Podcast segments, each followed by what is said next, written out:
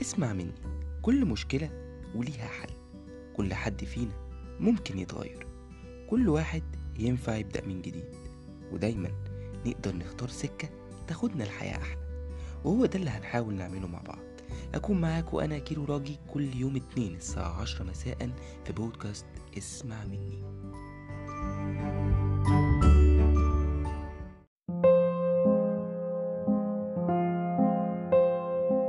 هي خناقة دايرة جواك طول الوقت ما بين اللي عايزه قلبك وبيشاور لك عليه وبين اللي عقلك بيقول لك اعمله. هي حرب في الغالب بتبقى انت الضحية فيها. يا مساء الفل وحلقة جديدة من اسمع مني. الأول طبعا أتمنى إن كل الناس تبقى بخير. آه، أنا عارف إن الناس كلها ممكن تكون زهقت شوية مش عارفين لسه الموضوع هياخد معانا قد إيه. آه، وضع غريب طبعا على الناس كلها. كل الناس قلقانة كل الناس خايفة كل الناس مضغوطة. ولكن آه، بإذن الله هتعدي على خير. وأتمنى نخرج كلنا آه، بحاجة مفيدة أو بحاجة تغير حياتنا للأحسن من الموضوع ده. الحقيقة الحلقة دي محتاجة حبة تركيز كده شوية. هتكلم فيها معاكم عن آه، معضلة صعبة حبتين ولكن هحاول أبسطها واحدة واحدة. وهي الخناقة اللي بين قلبك وعقلك تملي. هي خناقة تكاد تكون بتحكم جميع جوانب حياتنا بالذات بقى آه، بين قوسين يعني الناس العاطفيين أو اللي عاطفتهم آه، بتغلب عليهم وهي اللي بتتحكم في قراراتهم وانفعالاتهم وفي مصير حياتهم عموما. كلنا كبني آدمين دايما واقعين في النص ما بين قلبنا وعقلنا. طول الوقت مش عارفين مين فيهم هو اللي صح مين اللي المفروض نمشي وراه مين اللي المفروض يحكم ويتحكم في قراراتنا وأفعالنا علشان تبقى صح. وأحيانا تانية حد فيهم بيتعب ويستسلم ويسيب التاني هو اللي يسوق. قلبك وعقلك هما حاجتين بيشتغلوا عكس بعض تماما وهوضح لك بالتفصيل إزاي. لكن خليني اقولك إن عقلك عامل زي صاحبك اللي عايزك طول الوقت آه تبقى مبسوط. مش مهم عنده هتعمل إيه ولا النتيجة هتبقى إزاي. هو بس بيدور سعادتك منين دلوقتي.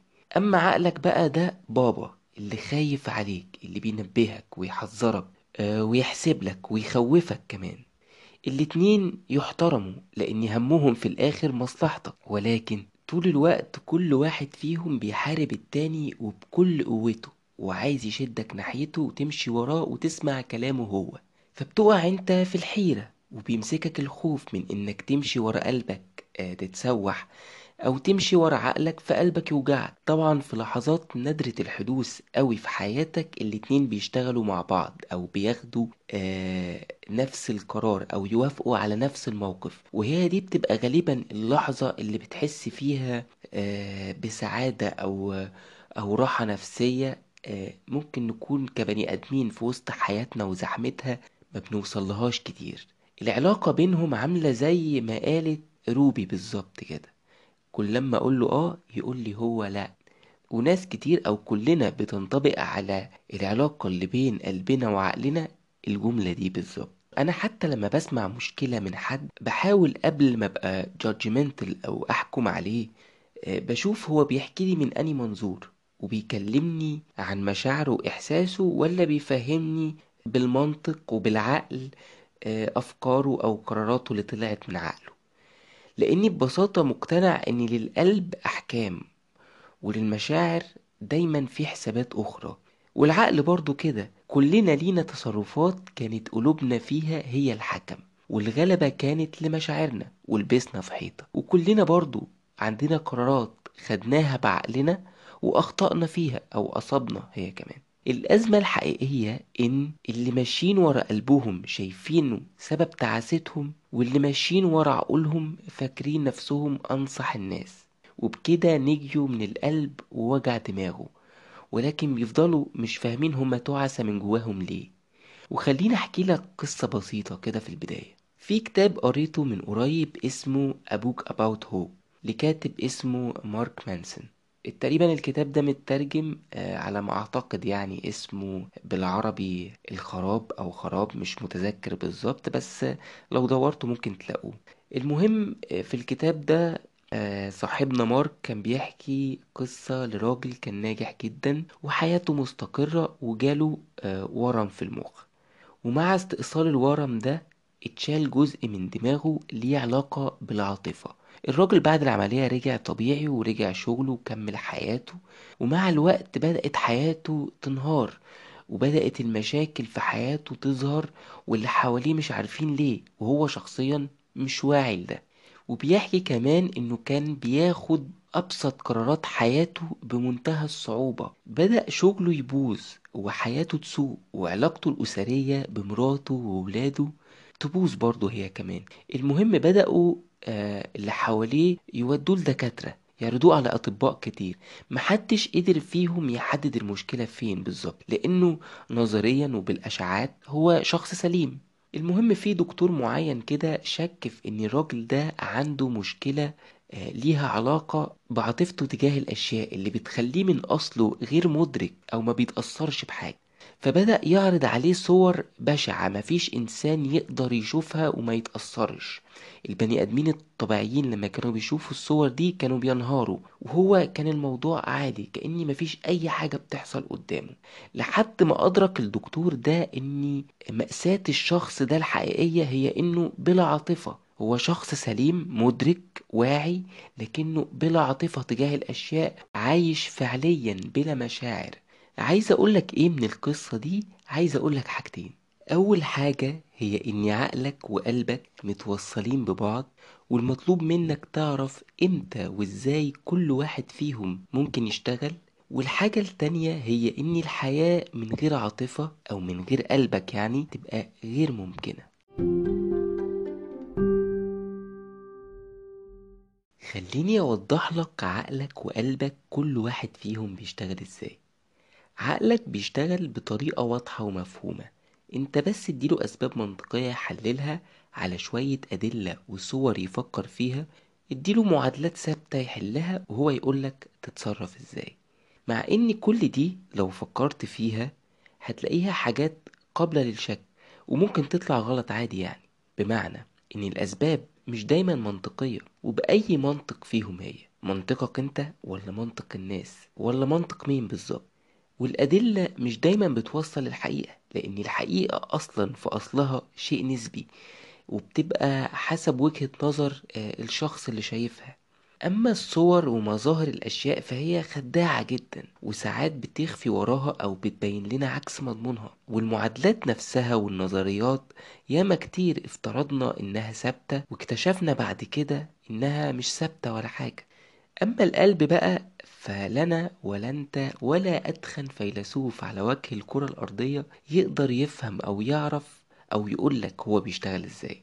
القلب الحقيقة بحور واسعة يعني ما تفهمش هو بيشدك لجوه وبيغرقك معاه إزاي. وليه أصلا بتغرق عادي وأنت في منتهى السعادة؟ القلب بيشتغل بنظريات معقدة ملوش ماسكة كمان والطريقة اللي بيشتغل بيها أكبر وأعمق من إننا نقدر نفهمها.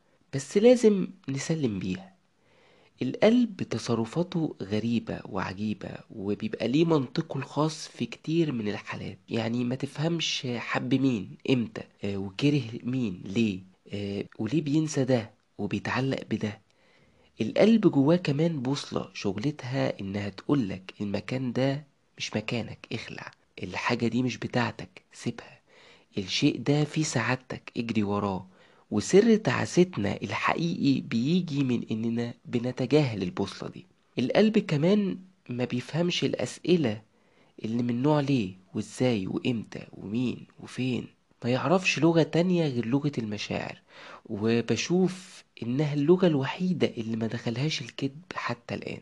فالقلب مثلا ما بيحتاجش حلفان عشان يصدق. اللي قدامه لو صادق هو هيصدقه. والإحساس الحقيقي بيفتح القلب ويخش من غير أي استئذان منك. القلب كمان أعمى ما بيشوفش عيوب ومميزات. هو الشيء الوحيد كمان اللي غير قابل للبيع والشراء. ما بيفهمش خالص قلبك يعني إيه بكام. فالفلوس مثلا ما تقدرش تشتري لك قلب حد بتحبه ولا تخلي حد يعرف يشتري قلبك عشان يحب. القلب كمان هو اللي بينه وبين ربنا خط مفتوح بيكلمك منه وبيشوفك بيه. مشكلتنا الكبيرة مع قلبنا إن إحنا مش دايما عندنا الفرصة أو الحرية الكاملة إننا نمشي وراه لظروف وأسباب كتير في حياتنا خارجة عن إرادتنا. أزمة الاتنين مع بعض تبان لك في مواقف زي آه لما تيجي تتكلم مع ست مثلا عن علاقتها براجل آه بيأذيها أو العلاقة دي بتضرها بأي شكل كان. وعقلها نفسه بيقول لها لازم تمشي لكن قلبها بيقول لها لأ أنا بحبه. لما تقول لراجل الست دي ما بتحبكش وعقله عارف إن عمرها ما هتكون ليه وقلبه بيقوله لا معلش سيبني أفضل أحبها. طبعا الموضوع كمان بتدخل فيه طبيعة الشخص نفسه. الراجل كمان آه، طريقة شغل عقله ومشاعره مختلفين تماما عن طريقة شغل عقل الست وقلبها. يعني أنت ممكن تحط راجل وست في نفس الموقف بنفس الظروف بنفس المعطيات وتنبهر من رد فعل كل واحد فيهم. وهنا اختلافنا الطبيعي اللي ربنا خلقنا بيه. اللي عايز أقوله ان لا العاطفة أو القلب يعني هي المشكلة ولا العقل برضو هو الحل. حتى الناس اللي بتتحجج إن عقلهم آه، هو المنجي الوحيد ليهم من ألم مشاعرهم ووجع قلوبهم ده مش معناه أو اوعى تصدق إن عقلهم دايما بيصيب أو معيشهم آه، في سعادة ورضا دايمين.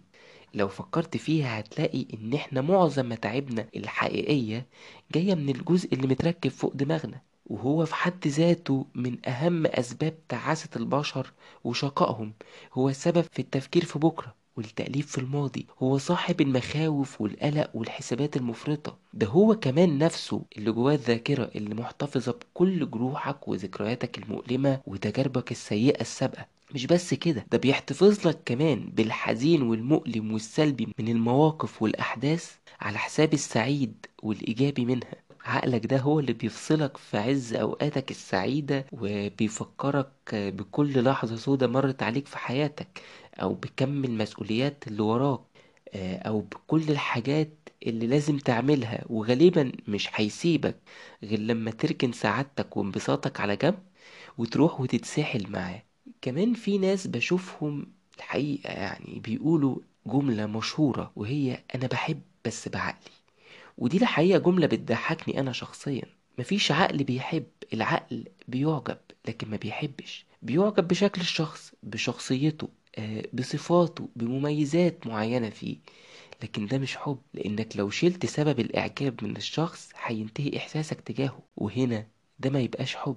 أما قلبك فبيعمل وظيفة محددة وهي إنه بيحس. بيحس الحب من عدمه في أفعال اللي قدامه في لمسته في نظرته في الكلمة العادية اللي بيقولها. القلب هو اللي بيشاور لنا على الحب جاي منين وجاي من مين. أو حتى العكس ينبهك إن الحب مش موجود هنا أو عند الشخص ده من أصله. وكل اللي شايفين إن قلبهم كان سبب وجعهم وخسارتهم لو رجعوا للمواقف أو المواقف اللي هم اتأذوا منها هيلاقوا إن قلبهم ده نفسه هو اللي كان بيحذرهم وبينبههم إنه مش مرتاح ومش مبسوط مش حاسس بالحب مش حاسس بالأمان مع الشخص ده أو مش مطمن للشخص ده. وعقلهم هو اللي أقنعهم يكملوا لأي سبب. لا مانع طبعا من دخول العقل في بعض المواقف. يعني لو الموضوع هيتعلق أو لو الموضوع متعلق آه، بقرار مصيري زي الجواز مثلا فعادي إن إحنا نفكر بعقلنا هنعمل إيه وهنخطط لمستقبلنا إزاي وهنبني حياتنا مع بعض إزاي. لكن ده يبقى كله بناء على قرار أساسي من القلب. ده ما يمنعش إن في بعض الناس اللي إحنا بنسميهم عاطفيين أو اللي مشاعرهم بتسوقهم وبتمشيهم وبتوجه حياتهم آه، وبتتحكم في اختياراتهم وقراراتهم. ودول بالمناسبة في أبحاث بتقول في المية أصلا من سكان الكوكب اللي إحنا عايشين فيه. وأنا كنت كتبت عنهم آه، مقال ممكن اللي يحب يرجع له يعني اسمه عن الناس العاطفيين.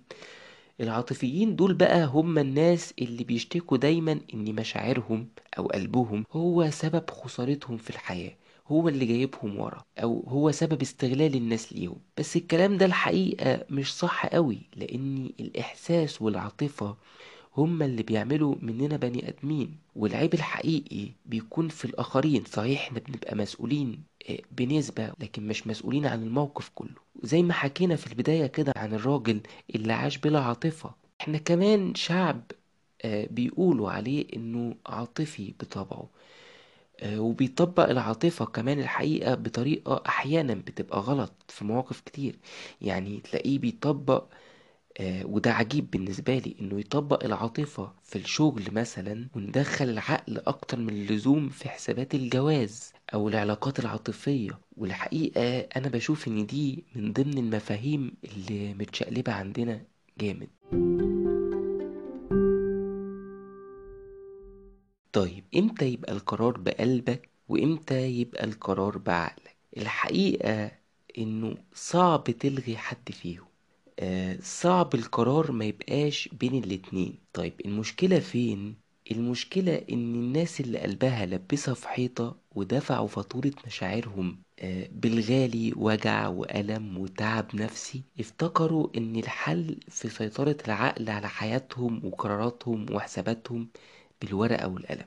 وعملوا الحقيقة من العقل منقذ ليهم يدافع عنهم كل ما قلبهم آه، يوز وشطانه يحس بأي مشاعر أو يفكر يحب. شئنا أم أبينا القلب هو المتحكم الرئيسي في الحياة. حتى آه، علميا وقوفه جوه جسمك للحظات قليلة ده ممكن يقضي على حياتك. إنما العقل لو فقدته عادي. في ناس كتير على فكرة عايشين من غير عقلهم وإحنا آه، بنسميهم يعني مجانين.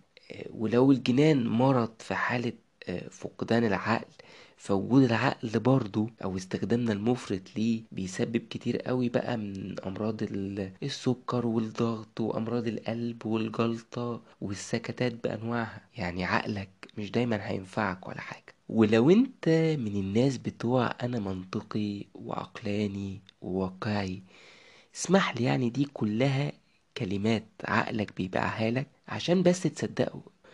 وأصحاب الشعارات دي معظمهم يا إما فقدوا نعمة الإحساس أو بيخبوا تعاستهم الشخصية وراها. وعشان نتكلم بصراحة أكتر مش دايما مشيك ورا قلبك هيسوحك ولا دايما استخدام عقلك هينجيك أو يخليك ما تغلطش. يعني لما تبقى قدام لحظة عندك فرصة فيها تعيش مشاعر حلوة أو تنبسط عيشها وانبسط وابقى ارجع عاقل وواقعي تاني براحتك. انت عارف العقل ده خلى كام واحد كتم مشاعره جواه لحد ما ماتت؟ أو ضيع كام لحظة حلوة على ناس وما عاشوهاش؟ أو خلى كام واحد تعيس؟ العقل بيختار على آه، أسس متغيرة مع تغير حياتنا. حتى التوقعات والحسابات اللي هو بيبني عليها دي معظمها ما بيكونش حقيقي أو مجهولة لسه أو متغيرة حتى. زي ما قلنا وعشان أكون صريح أكتر برضو في كام واحد قلبه لبسه في حيطة وكان سبب أذاه ووجعه وضرر كبير في حياته. لكن تعال نتكلم بصراحة القرارات اللي أنت بتاخدها بقلبك بتتقبل نتائجها أكتر مهما كانت هي إيه. عكس قرارات عقلك اللي كتير جدا بتندم عليها أو بتخلي عندك حالة من عدم الرضا أو عدم السعادة أو يخلي عندك أمنية بإنك يا ريتك كنت مشيت ورا قلبك. الخلاصة كل واحد فيهم ليه مواقفه وقراراته اللي يحكم فيها. اتعلم انت بقى تبقى الحكم ما بينهم. واعرف إمتى عقلك كلامه هو اللي يمشي وامتى قلبك هو اللي يسيطر. اسمع مني. قلبك وعقلك كل واحد منهم ربنا خلق له وظيفة وشغلانة جواه. وافتكر قلبك صاحبك اللي عايزك مبسوط وعقلك بابا اللي دايما خايف عليك كل واحد فيهم لو مش في مكانه هيضرك ولو في وقته ومكانه واستخدامه السليم هيسعدك وهينفعك. قلبك في الشغل مثلا ممكن يخسرك وعقلك في الحب ممكن يضيع عليك لحظات حلوة كتير. أنا مش عايزك تغير من طبيعتك كبني آدم. أنا عايزك تبقى واعي لها وفاهم هي بتشتغل فيك إزاي عشان لا عقلك في مرة يخدعك ولا قلبك يلبسك في حيطة.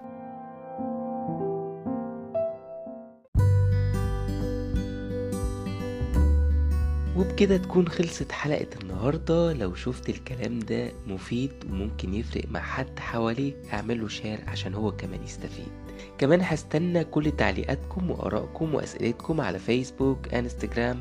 كمان هتلاقوا link تحت في ال description ممكن من خلاله تبعتولي voice message بصوتكم وتشاركوا معايا في الحلقات الجاية. ما تنسوش كمان تعملوا subscribe لو كنتوا بتسمعوني من Apple Podcasts من Google Podcasts أو Anchor FM عشان توصلكوا كل الحلقات الجديدة وتصبحوا على ألف خير